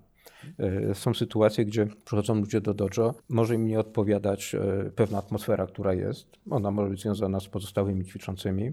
Może nie odpowiadać osobowość instruktora, który prowadzi zajęcia. Ale to jest tak podobnie jak na uczelni, prawda? E, idziesz, idzie student na zajęcia i mówi, o jaki wspaniały wykładowca i tak dalej. Idzie na zajęcia innego i mówi, ach nie, coś tutaj zgrzyta. E, to tak jak czasami ludzie nie potrafią, prawda, jakoś tak ze sobą się dogadać. Nie wiadomo czemu, ale coś tam nie chce zaiskrzyć między nimi. E, więc też tak bywa. No, ludzie muszą też zdawać sobie sprawę z tego, że na sali jest jeden instruktor, prawda, i on jak gdyby nie zaspokoi oczekiwań każdej osoby, tutaj tak z osobna, każdego, jak gdyby wszyscy muszą podporządkować się pewnemu tokowi y, zajęć, który jest. Y, no i każdy jak gdyby bierze ile chce i ile może prawda, danych zajęć tutaj. Ja też nie narzucam swojego sposobu myślenia, przedstawiam mój sposób myślenia, moje doświadczenia, natomiast czy ty z tego skorzystasz, czy nie, to jest jak gdyby już druga rzecz i w jaki sposób to zrozumiesz. Zresztą wystarczy popatrzeć na uczniów Osensei. Też każdy z nich przecież był inny. Każdy nieco inaczej rozumiał to, co zaprezentował czy powiedział Osensei. E, też każdy z nich miał swoje doświadczenia, dlatego wspaniała jest ta wolność, która jest właśnie w Aikido. Ona z jednej strony jest, tak jak mówię, czymś wspaniałym, podaje tutaj różne możliwości rozwoju, a z drugiej strony jest też takim małym przekleństwem, bo tak jak y, na początku wspomnieliśmy, mm, ktoś koniecznie chce zabłysnąć, pokazać, że jest inny tylko dla samego bycia innym. I to zaczyna w pewnym momencie sprawiać tutaj kłopoty, bo nie jest to taki naturalny rozwój, naturalne zmiany, tylko troszeczkę jest to takie zakłócone poprzez ego. No tak. A czy w momencie, w którym mm, dany uczeń staje się już powiedzmy instruktorem, czy on ma jakieś źródła, do których może sięgnąć, aby właśnie stać się lepszym nauczycielem, żeby lepiej na przykład y, kształtować ludzkie charaktery poprzez, poprzez trening? Wiesz, e, tutaj jest ten y, problem, jeżeli chodzi o mm, właśnie bycie instruktorem. Z jednej strony jesteś instruktorem, dzielisz się wiedzą z innymi, a z drugiej strony cały czas musisz być uczniem. Mhm. Czyli cały czas trzeba się rozwijać, cały czas trzeba trenować. E, z jednej strony jest to trening z własnymi uczniami, prawda, na macie, ale też nie można się tylko do tego ograniczyć. Częste wyjazdy na różnego rodzaju obozy, prawda, czy jakieś seminaria i tak dalej. E, najlepiej za granicę, no bo wtedy człowiek ma kontakt z innymi, widzi jak e, inni to robią, ma ten pewien punkt odniesienia. Jest to porównanie, jest to dzielenie się doświadczeniami, prawda, na macie. Więc e, to jest tutaj bardzo ważne. I w przypadku instruktora no, to jest ogromna odpowiedzialność. Muszę powiedzieć, że tak, na samym początku, kiedy zacząłem prowadzić treningi Aikido, no to y, w pierwszych miesiącach od razu zdałem sobie sprawę z faktu, że no dobrze, fajnie, ten mój potencjał, którym dysponuję, y, on owszem, może będzie na rok, dwa, trzy, no ale też nie mogę stworzyć takiego zaściankowego dojo. Y, ludzie muszą mieć szansę na wyjazdy. Więc już od początku, już na przykład w 1997 roku zacząłem organizować pierwsze wyjazdy za granicę do Niemiec, do Bawarii jeździliśmy. Tam właśnie mój nauczyciel Sensei Yoshimitsu Yamada przyjeżdżał. No bo jednak ta zachodnia Europa pod tym względem mm, takim cywilizacyjnym, jeżeli mówimy o Aikido oczywiście, no to na znacznie wyższym poziomie mm, tutaj była i te możliwości. Więc od samego początku zaczęliśmy podróżować i zawsze wszystkich motywowałem do tego, żeby jeździli, no i patrzyli, uczyli się, jak robią to inni. To jest najważniejsze. Ja nie jestem w stanie wszystkiego nauczyć. W dodatku też nie chciałbym, żeby każdy w jakiś sposób kopiował mnie. Owszem, uczcie się ode mnie, przekażę wszystko, co mogę, spróbuję odpowiedzieć na każde pytanie, prawda, które macie tutaj, ale sięgajcie po wiedzę, która jest też przekazywana przez innych ludzi. To jest właśnie bardzo ważne. Ja jak gdyby nie czuję się zazdrosny o, jak to się mówi, swoich uczniów, Wręcz cieszę się, jeżeli jeżdżą, starają się zdobywać wiedzę, trenują. E, jeżeli idą na inne zajęcia, czy to może być brazylijskie jiu-jitsu, może być kickboxing, boks, czy cokolwiek innego. Jeżeli chcą się o to wzbogacić, uważam, że jest to bardzo dobre. Dlatego, że y, no, służy tylko rozwojowi człowieka. Nie można, nie można prawda, y, stawiać sobie żadnych tutaj ograniczeń. A tak z ciekawości, gdyby zaczęli na przykład E, startować w jakichś zawodach w innych dyscyplinach? Czy Jak najbardziej. To, jest, to jest ich wybór i ja to szanuję. Czyli jakby w tym momencie Aikido nie zakazuje nikomu rywalizacji? Nie, nie zakazuje. Jedynie... Natomiast tradycyjna droga, powiedzmy taka, którą e, mamy, to jest e, pewna lojalność, która jest, ucz... obowiązuje uczniów względem nauczyciela, ale, ale też zarazem nauczyciela względem uczniów. Hmm gdzie prawda, ktoś przychodzi i rozmawia ze mną o tym, że on na przykład chciałby zacząć to i to trenować i tak dalej. Ja mówię, oczywiście, nigdy nikomu nie powiedziałem nie. Zresztą są też osoby, które mm, przychodziły do mnie na zajęcia, że przychodzą i jeszcze innymi rzeczami się też zajmują. Tutaj nie uważam, że jakiekolwiek ograniczenia w czymkolwiek mogą pomóc. Wręcz przeciwnie. Tym bardziej, że są to na przykład młodzi ludzie, którzy potrzebują zdobywania doświadczeń, chcą spróbować czegoś innego. I to jest cecha ludzi młodych i tak być powinno. Idź dzisiaj na boks, idź na kickboxing, idź na karate, idź na judo, prawda, idź na brazylijskie jiu-jitsu, czy tam jeszcze coś. Popróbuj, jak najbardziej. A drzwi tutaj zawsze są otwarte. Możesz jednocześnie trenować, zrobisz sobie przerwę na jakiś czas, pójdziesz coś innego, popróbujesz, prawda. To jest bardzo istotne. Ci ludzie że... później są bogaci w doświadczenia. Mam wrażenie, że jest to stosunkowo rzadkie podejście. Może szkoda, może fajnie by było, może lepiej by było, gdyby jednak e, więcej szkół właśnie tak by do tego podchodziło. Mm, na zasadzie takiej otwartości, bo jednak przeważnie jak rozmawiam z ludźmi na temat różnych stylów, to są jednak dość negatywnie e, nastawione na to, żeby trenować w ogóle coś innego, a tym bardziej jeszcze brać udział w jakichś zawodach.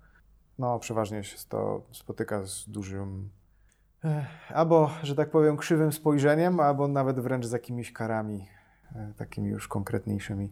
Wiesz, ja byłem uczony w taki sposób właśnie Aikido i właśnie Sensei Yamada. Człowiek, który tak naprawdę jest bardzo mm, ortodoksyjny, jeżeli chodzi o e, kwestie związane ze sztukami walki, to taki właśnie model prezentuje. Mówi, dopóki jesteś, on tak kiedyś powiedział, dopóki jesteś lojalny względem mnie, wszystko jest w porządku. Dlatego zawsze każde moje działanie mm, zgłaszam. E, co prawda, sens jest w Nowym Jorku, ale też pewne rzeczy, jak chcę zrobić, to wysyła się szybkiego maila, prawda? czy Sensei aprobuje i, nigdy nie spotkałem się z jakąkolwiek odpowiedzią, a wręcz przeciwnie.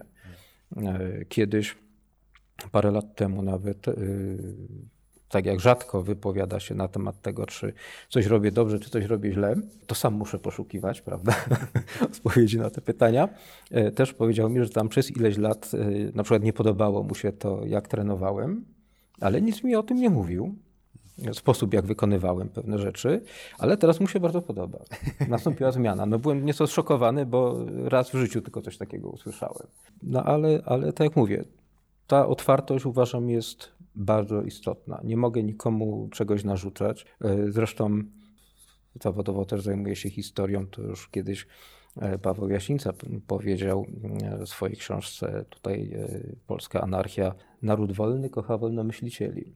Więc ja też uważam, że każdy powinien mieć wszelką swobodę na każdej tutaj płaszczyźnie. Jeżeli tylko ona służy rozwojowi, jeżeli z tego człowiek korzysta, staje się lepszy, jak najbardziej. Żadnych, żadnych tutaj nie narzucam ograniczeń. A nawet gdyby doszło do jakiejś takiej krytycznej sytuacji, mówię oczywiście o sztukach walki, E, krytycznej sytuacji, to, to wtedy Sensei też jakby nie podejmowałby żadnej akcji, żeby to uratować? W sensie jednak... To zależy, co określimy mianem krytycznej sytuacji, bo tak jak mówiłem, wszystko opiera się na lojalności. Mhm. Jeżeli y, są ludzie, którzy są lojalni względem mnie i wiem o tym, co robią, prawda, sami o tym informują, y, wiem jak trenują, gdzie trenują też, oprócz tego, że, że ćwiczą aikido, wszystko jest w porządku. Natomiast jeżeli coś robi się poza czyimiś plecami, jeszcze na szkodę, powiedzmy, danej szkoły czy osób ćwiczących w danej szkole, no to jest to tutaj nieco inna historia, prawda? Ale no, to już jak gdyby jest y, zaprzeczeniem pewnych wartości, jakie związane są ze sztukami walki. Mhm. A czy Aikido posiada jakieś takie właśnie um, skodyfikowane e, wartości, czy też jakby nauki, które stara się przekazywać swoim uczniom, czy to wszystko jednak jest dość takie poprzez praktykę? Lojalność, odpowiedzialność, honor. Trzy zasady proste. Czyli nie ma na przykład tak, że mm, o sensei spisał kiedyś jakby cudzysłowie przykazania albo jakiś podręcznik? Znaczy są, y, są informacje, które przekazał co do treningu, jak należy trenować, no ale są to ogólne wskazówki, które można potraktować y, jako takie, które w zasadzie wszędzie można zastosować. Y, czyli to, że jeżeli ćwiczysz, no to w pełnym zaangażowaniu musisz ćwiczyć, prawda, z wytrwałością, etc., etc. Mowa jest też tu o szacunku do drugiej osoby, kiedy przychodzisz do dojo, no to najwyższą wartością, prawda, jest ludzkie życie i zdrowie, więc jeżeli ćwiczymy, to nie ćwiczymy w taki sposób, aby drugą osobę uszkodzić, jakiś szczególnie jeszcze w trwały sposób, ale też staramy się ćwiczyć rzetelnie, czyli tak jak już powiedziałem wcześniej, na pewnej granicy, której się nie przekracza. Jak gdyby razem wykonując pewną technikę, no, pracujemy nad tym, aby być na tej granicy, ale oczywiście, aby zachować tutaj zdrowie i, i, i, prawda, bezkontuzyjnie trenować. To uczy też szacunku do drugiej osoby i uczy szacunku właśnie do e, drugiego człowieka. Wiesz, to, że mm, wykonujesz technikę, możesz ją wykonywać w sposób zdecydowany, wiesz, że jest ta cienka granica, którą możesz przekroczyć i coś może się stać, ale po prostu tego nie robisz. E, to jest jak gdyby ta płaszczyzna porozumienia. Trening właśnie jest tą płaszczyzną porozumienia. Ten rzetelny trening, w którym nie ma tego oszukiwania się wzajemnego ale to też przeniesiesz na normalne życie i wtedy będziesz wiedział, że jeżeli tak ćwiczysz, to również inne rzeczy w życiu będziesz wykonywał w podobny sposób, czyli będzie to mm, e, coś, o co dbasz i wykonujesz no, najlepiej, jak potrafisz. Sensei zaczął swoją przygodę ze sztukami walki już 37 lat temu, jak wspomnieliśmy. Czy, mm, czy sztuki walki na świecie, tak ogólnie, zmieniły się jakoś przez ten czas? Nie potrafię powiedzieć czy ogólnie o sztukach walki, bo nie jeździłem po całym świecie nie miałem kontaktu ze wszystkimi sztukami walki. E, jeżeli chodzi o Aikido, mm, raczej podejście się zmieniło ludzi, bo no tutaj techniki dalej są jak gdyby te same, mówię o podstawowych elementach, mm, natomiast podejście się zmieniło. E, może taka większa niecierpliwość e, tak jak już powiedziałem, y, to społeczeństwo takiego fast foodu, gdzie chcemy szybko, łatwo pewne rzeczy mieć, a tak naprawdę w sztukach walki nic się od setek lat nie zmienia. Czyli y, pewien poziom osiągniesz, jeżeli wylejesz sporo potu na macie, ileś czasu na to poświęcisz, no i też ileś y, bólu przy tym będzie, no bo taka jest prawda. E, więc to się w żaden sposób nie zmienia. Tyle tylko, że y, jest to trudniejsze, jeżeli chodzi o to nieco młodsze pokolenie, które no, chciałoby prawda, szybciej. Hmm. Tak jak niektórzy idą do różnych klubów fitness, e, gdzie pewne rzeczy zadaniowo traktują. Chciałbym w przeciągu tam dwóch, trzech miesięcy zrobić, prawda, ładny brzuch, ładne pośladki i tak dalej. No, coś takiego y, nie ma prawa bytu, jeżeli chodzi o sztuki walki. Tutaj jest to zupełnie inny świat. Nie mówię, że jest lepszy czy gorszy, jest po prostu inny. I, i przychodząc do dojo, raczej trzeba się otworzyć na to, że trzeba nieco czasu spędzić na tej macie, będzie sporo potu, prawda, i, i, i te efekty nie przychodzą aż tak szybko. Zresztą sam rozwój, jeżeli chodzi o Aikido, jest dosyć ciekawy bo tutaj rozwijamy się tak e, skokowo. E, bardzo często ćwiczysz rok, mija, półtora roku mija i tak wydaje ci się, że przez cały czas no, umiesz tyle samo. A później nagle ten jeden błysk taki, prawda, taka iskierka i stopień wyżej. jest ten stopień wyżej gdzieś, nagle widzisz, o kurczę, no ja to potrafię, ja to umiem, prawda? I później znowu jest tak dosyć płasko przez pewien czas. Więc ten rozwój jest taki właśnie skokowy co też y, wpływa czasami tak demotywująco na, na niektóre osoby, które trenują. No tak, cierpliwości. Raczej by oczekiwali tego, że z treningu na trening jest lepiej, lepiej, lepiej, lepiej, lepiej. Prawda? Jakby czegoś takiego oczekują. Chciałem teraz zadać e, moje cztery pytania, które zadaję każdemu z gości. Proszę. E, oczywiście pierwsze z nich musiałem troszkę zmienić, bo w, z racji tego, że w Aikido nie ma rywalizacji. Właśnie dlaczego rywalizacja nie występuje w Aikido? Dwa powody w zasadzie są takie. Pierwszy powód to jest to, że jeżeli mówimy o tym potencjale technicznym, należałoby wiele elementów wyeliminować. No tak jak to się stało na przykład z judo. Jeżeli zwróci się uwagę na wykonanie niektórych technik, które były w judo dawniej, przed zmianami, to były techniki bardzo niebezpieczne. E, dla zdrowia, dla życia kończyły się utratą przytomności, tym podobnymi rzeczami. E, kiedy je zmieniono, jak gdyby wyczyszczono, tak to określimy, mm, no to już nabrało nieco bardziej takiego siłowego charakteru, zresztą no, to prawda widać, ale chodziło o bezpieczeństwo ludzi, którzy startują. E, dawne zawody jiu-jitsu, jak gdzieś między szkołami organizowane jeszcze w XIX wieku, no często kończyły się y, albo utratą zdrowia, prawda? albo czasami nawet utratą życia. Dlatego też e, te, te szkoły i, i, i, te sztuki walki były tak mocno krytykowane. No i to był jeden z motorów dla takich ludzi jak właśnie Jigoro Kano czy Ueshiba, którzy chcieli to zmienić. Bo widzieli, że jeszcze coś innego może z tego być. Tak więc jeżeli byśmy Aikido sprowadzili do takiej sztuki, gdzie będzie mm, e, bezpieczna, prawda, pod strony technicznej, no to bardziej byśmy chyba musieli pozostać na prezentacji technik, tak jak czasami e, w sportowym jiu-jitsu, ten tak zwany duo system, gdzie wychodzi się i się prezentuje, prawda, techniki wspólnie, e, czy też pewne formy kata, żeby tutaj wprowadzić, no ale nie wiem, czy to byłoby interesujące bo niektórzy po prostu nie lubią czegoś takiego, wolą coś praktycznego. E, warto też e, zwrócić uwagę na to, że jeżeli coś staje się sportem, to wtedy też ludzie idą w tym kierunku stricte sportowym, pomijając, prawda, całą resztę. Więc to by też ograniczyło od strony takiej mm, e, technicznej Aikido. Zostałyby tylko te elementy, które służą zadaniom sportowym, prawda? To jest jeden. No a ten drugi czynnik to przede wszystkim to, że mm, Innym, troszeczkę inną ścieżką jest rozwój sportowy, gdzie idziemy poprzez wyniki, prawda? A co innego, jeżeli ma to służyć Twojemu osobistemu rozwojowi, gdzie nie jesteś w żaden sposób mm, e, tutaj poddawany pewnej presji, że musisz e, w taki, a nie inny sposób trenować. Twój sposób wykonania pewnych rzeczy ma być też taki, a nie inny, bo służy to zawodom sportowym. Po prostu robisz to dla siebie, dla własnego rozwoju. I to, czy prawda, jednym uderzeniem jesteś w stanie złamać e, pięć cegieł czy jedna, to jest tak naprawdę Twoja sprawa. A jeżeli będzie to rozwój sportowy, no to już masz określone zadanie, jakie musisz wynik osiągnąć. I sport tutaj też, e, czy podejście sportowe eliminowałoby bardzo dużo osób właśnie z możliwości podjęcia treningu. Na zajęcia przychodzą ludzie w wieku nawet 50 lat czy 60. E, no a jeżeli będziemy mówili o sporcie, no to dla tych ludzi nie byłoby miejsca. Jest to nieco inna ścieżka rozwoju. Nie mówię tutaj, że coś jest lepsze czy gorsze. Po prostu każdy wybiera to, co lubi. Zresztą to widać w niektórych dzisiejszych też e, sztukach, gdzie albo jest ta ścieżka sportowego rozwoju, są zawody, i też równolegle jest ta druga, gdzie ludzie przychodzą dla przyjemności, ćwiczą, prawda, dbając o potencjał techniczny, robią to, bo im się to po prostu podoba. Taka rekreacyjna bardziej. Tak, tak dla samego siebie. Chociaż też no, powiem ci rekreacyjnie, jeżeli wiesz, trenujesz codziennie i poświęcasz na to sporo czasu, to no tak.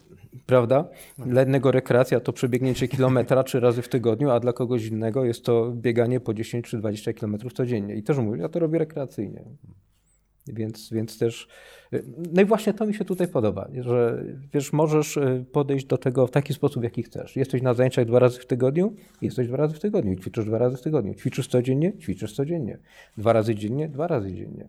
Jedziesz do Nowego Jorku, tam do dojo, tak jak niektóre osoby też ode mnie jeżdżą, ja co jakiś czas też jeżdżę i masz kilka treningów w ciągu dnia. Zaczynasz dzień myciem maty, a kończysz szorowaniem kibli. No tak. Więc, więc y, wiesz, i nikt do niczego cię nie zmusza. Robisz to dlatego, że chcesz to robić, bo chcesz stać się lepszym człowiekiem. Taki motyw przewodni się z tego robi. Pytanie drugie. Jak ludzie zmieniają się dzięki treningom Aikido? Oj, to już należałoby zapytać każdego z nich. Natomiast y, taka moja ogólna obserwacja. Są nieco spokojniejsi, bardziej odporni na stres. E, jeżeli przychodzą na zajęcia właśnie w godzinach wieczornych, to widać, że te wszystkie problemy całego dnia jak gdyby ich opuszczają właśnie przez ten trening. Myślę, że tak e, na dłuższą metę po prostu są to ludzie bardziej otwarci. E, są to ludzie, którzy też no, troszeczkę tak realnie oceniają rzeczywistość, bo mają to, tą odskocznię swoją której, w której e, e, mogą zapomnieć o tych wszystkich kłopotach. No od strony fizycznej, no to sprawność fizyczna coraz wyższa. Pytanie trzecie. Chociaż w pewnym sensie już na nie odpowiedzieliśmy, ale może podsumujemy. Czy sztuki walki i sporty walki mogą się łączyć? Czy mogą jakoś współpracować ze sobą? Oczywiście. Oczywiście, jak najbardziej. To, że tutaj w Aikido nie ma tej rywalizacji, znaczy jest taka forma. Y, pan Tomiki, który mm, był jednym też wybitnych uczniów właśnie Ueshiby, y, on też miał doświadczenia chociażby z judo. Tam występują elementy właśnie rywalizacji, na przykład punktuje się atak z nożem. Oczywiście jest to atrapa noża, mhm. no ale też robi się to w formie zawodów. Tak więc mają taką formę rywalizacji.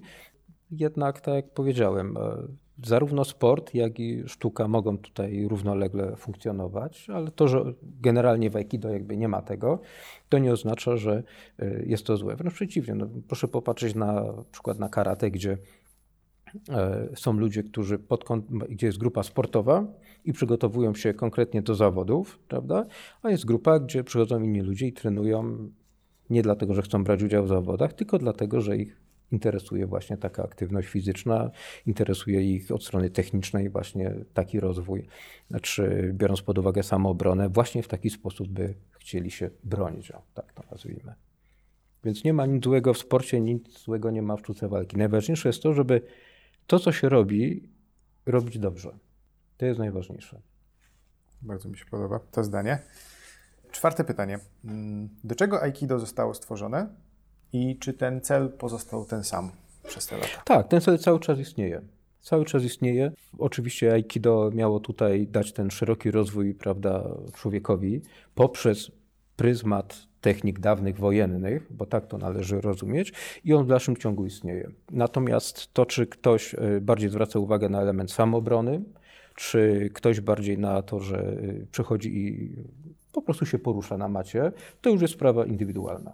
A tak jak mówię, zawsze musimy dbać o ten poziom mm, techniczny, żeby technika cały czas spełniała swoje e, no, wymagania, jakie były dawniej one dalej nie mogą się zmieniać. Bo jeżeli przestanie to być wartość użytkowa, no to po co to robić? Tak, w zasadzie zaczniemy coś innego wtedy trenować. Tak, wtedy tak naprawdę zmienia się to w coś zupełnie innego. Dopóki o tym pamiętamy, ale jak to traktujemy? Przychodzi dwóch ludzi na przykład na trening i ćwiczą tak, jak to niektórzy mówią, bardziej ostro, prawda, ze sobą, ale tak chcą ćwiczyć, bo uważają, że to im się przyda, nawet gdzieś tam w jakichś sytuacjach. Proszę bardzo, przychodzą inne osoby, które nieco łagodniej ze sobą ćwiczą, ale też cały czas dbają o tę stronę techniczną. Proszę bardzo, to jest też ich sprawa. Nikogo tutaj jak gdyby nie zmuszam do wybrania jednego kierunku. Chciałem zapytać jeszcze o klub, że tak powiem, bo e, klub Aikikai funkcjonuje już 24 lata. Jaka jest recepta na, to, na taką długowieczność klubu? Bo to jednak jest ćwierćwiecze, no to jest niezłe osiągnięcie. Trzeba to lubić. Znaczy, mówię o samym Aikido. Jak gdyby mm, uczenie y, nie było z mojej strony taką mm, potrzebą, że koniecznie chciałbym innych nauczać. To jest jakaś moja wielka misja do spełnienia. Wróciłem ze Stanów, y, zakochałem się prawda, w Aikido, y, no ale powiedziałem sobie, że do treningu no też potrzebuję inne osoby. No więc trzeba zorganizować jakąś grupę ludzi i wtedy będę mógł też sam siebie rozwijać, więc taki powód troszeczkę egoistyczny tutaj był. też będę się rozwijał. No i jakby tak to się zaczęło. Yy, wiadomo, są lepsze, gorsze chwile w funkcjonowaniu takiej szkoły. Yy, Raz jest więcej osób, raz jest mniej, raz jest więcej środków finansowych, raz jest mniej, ale też jak gdyby nie można się tym tak przejmować, bo jeżeli myśli się tutaj w kategoriach po prostu kocham to, co lubię, jest to moja pasja życiowa, y, ja się w tym realizuję, ćwicząc, nie dlatego, że chcę być działaczem, tylko dlatego, że ja to trenuję, to wydaje mi się, że wiele trudnych chwil można przetrwać. Czas płynie, no i na razie 24 lata, zobaczymy, co będzie dalej. To więc, też się w sumie pokrywa więc z tym y, podejściem. Wydaje mi się, że najważniejsze jest to, żeby to była po prostu pasja. Mam wrażenie, że to właśnie też się pokrywa z tym podejściem takiej otwartości, że to nie jest tak, że musimy osiągnąć jakiś sukces, musimy tak. mieć ileś osób na treningach, musimy być wypłacalni i tak dalej, tak dalej. No wiesz, y, nie ma tutaj też sytuacji, gdzie na przykład ministerstwo naciska, że tam trzeba zdobyć złoty medal, bo inaczej nie będzie dofinansowania, etc., y, etc. To jest, to jest inna droga to po prostu robię, dlatego że bardzo to lubię. Są ludzie, którzy chcą ze mną też ćwiczyć. E, są ludzie, którzy mi zaufali, którym ja ufam. E, I to nie tylko tutaj w kraju, ale też za granicą, prawda? I jakoś tak z roku do roku i później się tak uzbierało. 24 lata. Zobaczymy. Mam nadzieję, że dalej uda się też to propagować. Czy obecne czasy są że się tak wyrażę, najtrudniejszymi, jakie były do tej pory dla, dla, osób, które coś trenują albo prowadzą jakąś szkołę? Wydaje mi się, że są trudne, szczególnie jeżeli dzisiaj weźmiemy pod uwagę tą sytuację, prawda, jeśli chodzi o zagrożenie wirusem, no to wiele osób obawia się przychodzić na zajęcia, e, być w takiej grupie i trenować. To rzeczywiście jest pewien, pewien kłopot. Dla niektórych ludzi jest to też e, kłopot finansowy no niestety niektórzy stracili pracę, firmy niektóre przestały działać i tak dalej, to jest to, jest to też e, tutaj e, dużo problemów. E, jednak no, mam grupę osób, która cały czas jest, która cały czas ćwiczy i jak gdyby też dzięki temu to wszystko funkcjonuje. No ja też staram się nie poddawać, więc już, już nawet w lecie, kiedy była możliwość zorganizowania obozu, to przed wakacjami cały czas mówiłem, słuchajcie, miejcie nadzieję, uda się nam zrobić obóz, na pewno coś z tego wyjdzie. No i rzeczywiście udało się. I, I, myślę, że to też stało się taką odskocznią dla, dla niektórych ludzi od tej rzeczywistości. No tak. Gdzie mogli zobaczyć, że y, nie jest, aż, nie jest aż tak źle, nie należy się poddawać, trzeba troszeczkę walczyć o tą rzeczywistość, o tą przyszłość. I chyba Aikido też w tym w jakiś sposób pomaga. No, zwłaszcza, że to był taki moment, gdzie wszyscy byliśmy zamknięci, znaczy zamknięci. Musieliśmy spędzać dużo czasu w domach i, i jednak y, dla niektórych musiało być to fajną sprawą, żeby, żeby jednak się gdzieś wyrwać i coś zrobić. Tak, tak, to prawda, to prawda. Y, ja też się obawiam, bo czerwcu, od czerwca ruszyłem jakby z powrotem zajęciami. Y, na początku tą informację zamieściłem tak, aby się dowiedzieć, czy będą chętni. Mhm. I okazało się, że rzeczywiście ludzie zaczęli dosyć szybko wracać i to z taką wielką nadzieją na to, że, że będą już mogli normalnie, regularnie ćwiczyć. I nawet ten okres taki zamknięcia, y, no to nie był na przykład dla mnie zmarnowany okres. Ja codziennie rano wstaję i ćwiczę cały czas się ruszam. Zresztą taki dzień bez jakiegokolwiek treningu, no to jest dla mnie zmarnowany. Więc zawsze jakaś aktywność fizyczna musi być, począwszy od pompek, przez trening, prawda, z bronią i tak dalej. Zawsze coś, coś tutaj jest. Na tym czasie, kiedy wszystko było pozamykane, to z racji tego, że akurat mieszkam na wsi, no to z moimi synami mogłem potrenować w ogrodzie, no więc y, to też nie były takie, prawda, tygodnie, gdzie y, był całkowity zastój dla mnie. Zresztą nie wytrzymałbym, ja nie, ja nie potrafię siedzieć. Ja jestem człowiekiem przyzwyczajonym do ruchu. Dla mnie największą, największym problemem jest e, siedzenie po parę godzin na przykład w ciągu dnia. To jest, to, to jest kara. To jest kara. No ja też miałem taki problem podczas tego lockdownu, że no, człowiek przyzwyczajony, że dzień w dzień coś trenował, jak nie machał mieczem, to strzelał z łuku, to gdzieś tam coś ćwiczył fizycznie chociaż, a, a nagle jest tak, że musi się teraz z tym wszystkim zorganizować jakoś w czterech ścianach. No dla mnie to było nowe wyzwanie mhm. powiedział, ale y, miałem takie chwile zniechęcenia, no bo wiadomo, z dnia na dzień trening, trening, trening, człowiek rano wstaje i ćwiczy, i ćwiczy i tak w pewnym momencie no, ciągle te cztery ściany, trochę na świeżym powietrzu, to też było dobre, y, ale powiedziałem sobie, no tak musi być, no. Więźniowie mają gorzej. No tak. I są w stanie przetrwać. Musimy sobie poradzić. tak jak oglądamy filmy, prawda? Ze Stanów. Później wychodzą tacy napakowani nie marnują swojego czasu. Tak? tak, tak. Nie marnują. Więc ja też starałem się nie marnować czasu, starałem się cały czas e, być aktywnym. Nawet też e, kilka takich e, króciutkich filmików zrobiliśmy, dlatego że co prawda tutaj w Krakowie prowadzę zajęcia, w Chrzanowie Sensei Piotr Burnos, który też od samego początku, kiedy tylko zaczął e, ćwiczyć, no to ze mną związał swoje losy, więc też e, tutaj taka inicjatywa była, żebyśmy zrobili parę takich drobnych filmików o stronie technicznej, aby też ludzie zobaczyli, że nie ma takiego całkowitego zastoju. No więc, więc też myślę, że to był taki ważny element takich naszych działań tutaj, żeby nie było takiej ponurej, żałosnej atmosfery, że już jest źle totalnie. Tak, no wiele szkół podjęło taką inicjatywę, żeby zorganizować czy to nawet zajęcia online, jeśli się da w danej dyscyplinie, albo chociaż właśnie jakieś takie zestawy ćwiczeń do robienia w domu, tak żeby właśnie dać ludziom znać, że że to nie koniec, że, że po tym wszystkim wrócimy do, do Dokładnie, życia. dokładnie. To nie jest koniec, po prostu trzeba tylko wybrać troszeczkę inną ścieżkę prawda, do swojego rozwoju. No tak powiedziałem, mnie to bardziej tak zmotywowało, żeby troszeczkę przemyśleć pewne rzeczy e, a propos mojego własnego treningu. I, I, to był też okres taki, bym powiedział, owocny. Co prawda może zastój, bo szkoła jako szkoła nie mogła funkcjonować mm, w tej drugiej połowie marca, później kwiecień i maj, ale, ale yy, wiele takich przemyśleń miałem na podstawie też treningów, które, które sobie robiłem. I Wydaje to... mi się, że, że właśnie to jest najistotniejsze w sztuce walki. Po prostu nie poddawać się, cały czas iść do przodu i gdzieś pokonywać te wszystkie wyzwania. Tak jak na macie ćwiczymy, raz upadasz i wstajesz, prawda? Dokładnie Padnij, tak. powstań. Dokładnie tak. Dobrze, na koniec jeszcze chciałem się zapytać, jak ludzie mogą odnaleźć Waszą szkołę? Wystarczy wpisać w internecie Aikido Kraków i na jednej z pierwszych pozycji, na razie chyba na pierwszej pojawia się ta nazwa Kraków Aikikai Polska i już wszystkie dane można znaleźć, dlatego że mamy zarówno stronę, jest fanpage, e, więc tam wszelkie informacje są też do bezpośredniego kontaktu ze mną. E, każdy, kto chciałby zapytać Ja oglądałem zajęcia, ma jakieś dodatkowe pytania, zawsze może do mnie zadzwonić. Lubię mieć po prostu taki osobisty kontakt. Nie sekretariat, inni ludzie, tylko po prostu lubię to sam zrobić. No ale tutaj muszę powiedzieć, że jeżeli chodzi o stronę czy tam fanpage, no to z kolei mój syn troszeczkę mi pomaga. On No. jest dobry, jeżeli chodzi o te wszystkie informatyczne rzeczy. Myślę, że też ciężko byłoby się wszystkim zajmować, prawda? Tak, tak, to jest prawda. To jest prawda, że to byłoby dosyć trudne. W dzisiejszych czasach, kiedy tyle narzędzi, prawda, jest. Tak, tyle źródeł kontaktu mamy. A, a ciężko, co prawda, można być człowiekiem renesansu, no ale trudno być takim omnibusem i wszystko umieć.